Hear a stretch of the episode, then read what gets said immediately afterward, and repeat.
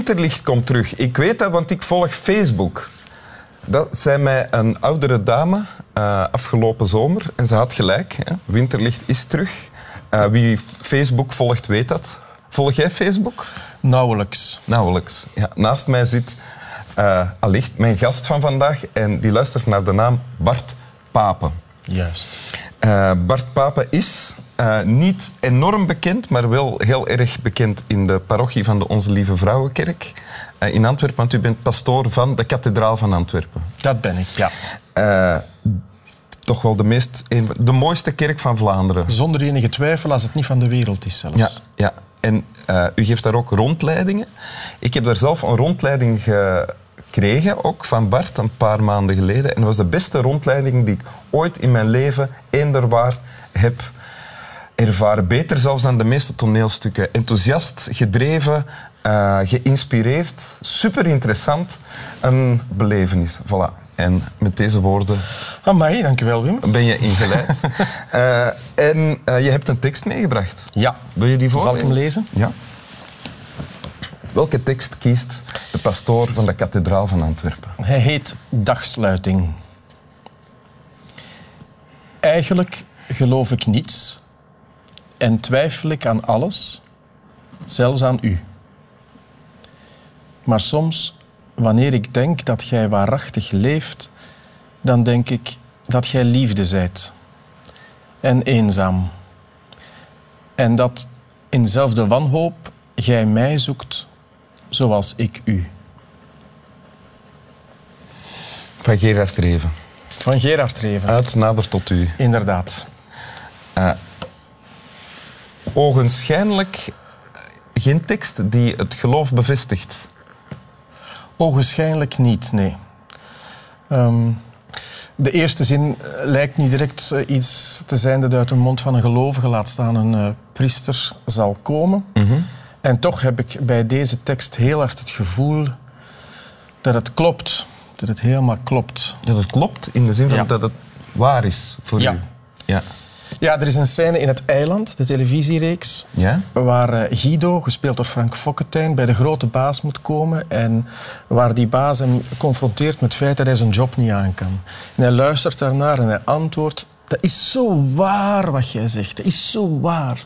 Ja. En elke keer als ik dat gevoel heb bij een kunstwerk, dus ook bij poëzie, dan raakt dat mij geweldig. En dat is wat bij deze tekst bij mij gebeurt. Ah, ja. ja, ja. En die eerste zin waar je daarnet aan refereerde is... eigenlijk geloof ik niets en twijfel ik aan alles, zelfs aan u. Ja, en het is er zelfs aan u die het voor mij openbreekt.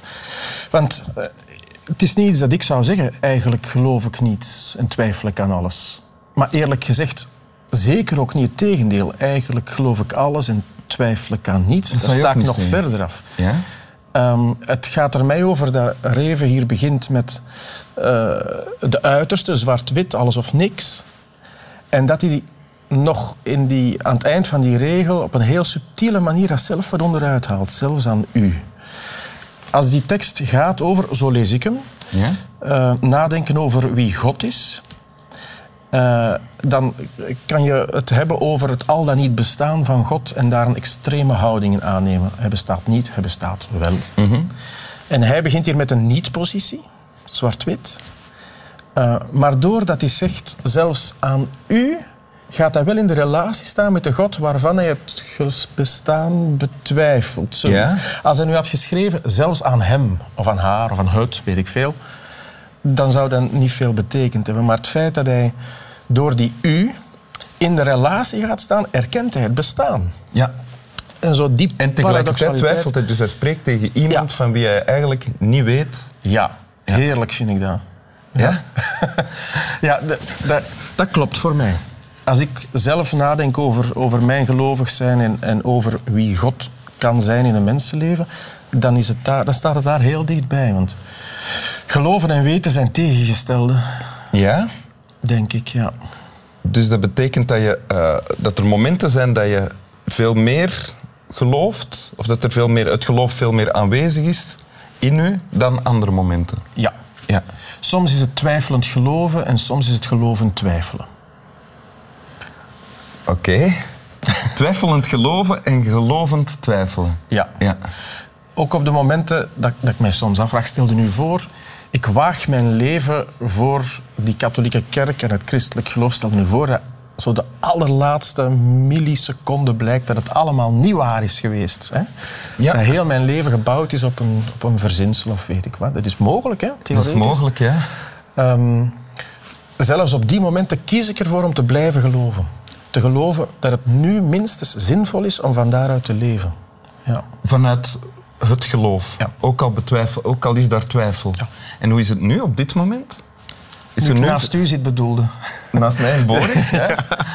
Eh, het gaat eigenlijk goed op dit moment, ja. Ehm, ik, ik heb een aantal ervaringen gehad, onder andere in de kathedraal, die mij heel sterk bevestigen, minstens in het feit dat eh, het belangrijk is dat wij als mensen heel intensief blijven zoeken naar wat ons overstijgt. En dat ik zelf in een, in een levenslijn zit waar ik daar eh, mee bezig kan zijn en waar ik af en toe daar iets van eh, merk. Zo eh, komen we nu in het tweede deel van Ja. het gedicht terecht. Daarin gaat het over liefde. Ja. Liefde en eenzaamheid en wanhoop. Ja. En voor mij een heel belangrijk woord in dat stuk is denken. Ja? Maar soms, wanneer ik denk dat jij waarachtig leeft, Ja? Ik vind dat een merkwaardig woord, want het, het opent iets van logica en, en rationaliteit. En het is niet puur rationeel of, of logisch.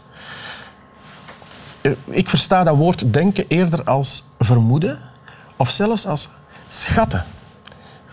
Mijn- de kinderen van mijn zus in de lagere school, als die een, een som moesten maken, 406 plus 927 of zo, voordat die zo het klassieke techniekje toepasten, Ja. moesten die eerst schatten hoeveel zal dat ongeveer zijn. En dan kom je dus uit bij 1300 hè, zeker of zo. En, en pas dan deden ze de eigenlijke som. Eh, Ze hebben het eerst woord- geschat. Ja? Daar heb je heel wat competentie voor nodig om dat te doen. Maar je hebt nog niet de, toe- de, de uitkomst waar je dan een negenproef op kan toepassen. Ja. Dat heb je nog niet. Zo is dat voor mij ook soms. Wanneer ik schat dat jij waarachtig leeft, dan schat ik dat, Dat jij liefde zijt. Ah, ja. Zoiets is dat voor mij.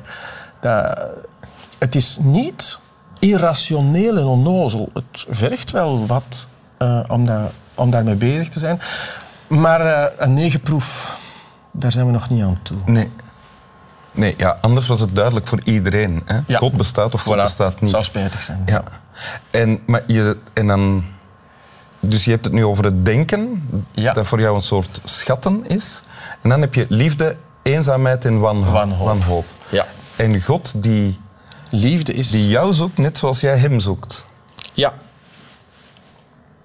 Is dat hoe jij het ervaart? Minstens hoe ik het eh, wil voor ogen houden. Ja.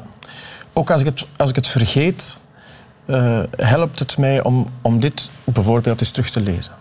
En, Ah, ja. en goed te weten waarover gaat het hier. Het gaat over liefde die eenzaam is. Die woorden en eenzaam, zoals ze daar staan, ik vind dat ongelooflijke eenzame woorden. Dan denk ik dat jij liefde zijt en eenzaam. Eigenlijk klopt het denk ik grammaticaal ook niet echt, want het zijn van liefde zijn is toch net iets anders dan het koppelwerkwoord eenzaam zijn. En dus eigenlijk moet, dat, moet die eenzaamheid een eigen werkwoord krijgen, grammaticaal, denk ik. Ja, Maar zelfs dat krijgt maar los van de syntaxis. dus liefde en eenzaamheid, dat ligt die zijn met, elkaar verbonden. Enfin, het, het raakt mij de idee, een God die naar de mensheid kijkt, in ongelooflijke liefde en verlangen om, om in relatie te treden, en die voorlopig eenzaam is. Een onbeantwoorde liefde.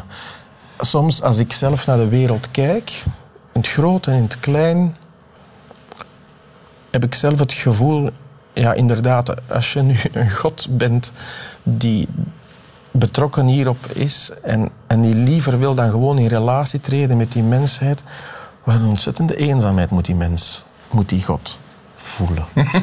Zoiets. Dus dat zijn momenten waarbij jij jezelf in de plaats stelt van God. Ja. Oké. Oei, je zat erover. Nou, dat weet ik niet. Dat zullen de, weet ik wat, de powers that be zullen daar wel over beslissen. Eh, heb je deze tekst gebruikt? Heb je die al ooit voorgelezen tijdens een mis?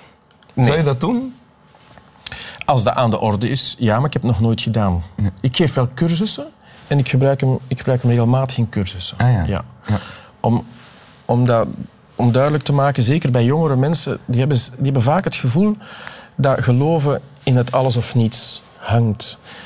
Terwijl dat, dat zeer onnatuurlijk is, lijkt mij.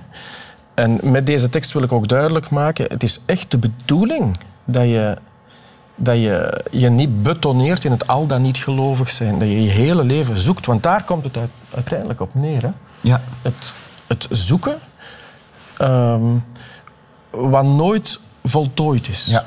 Nooit helemaal gevonden. Oké, je hebt niet alleen mijn aandacht, maar ook iets wat eigenlijk, denk ik, nog geen enkele gast hier eh, op de bank heeft weten te verwezenlijken. De aandacht van Boris vastgehouden de hele tijd. Kijk eens aan, misschien... Voilà, En nu is het genoeg geweest. Wil je de tekst nog eens voorlezen? Graag.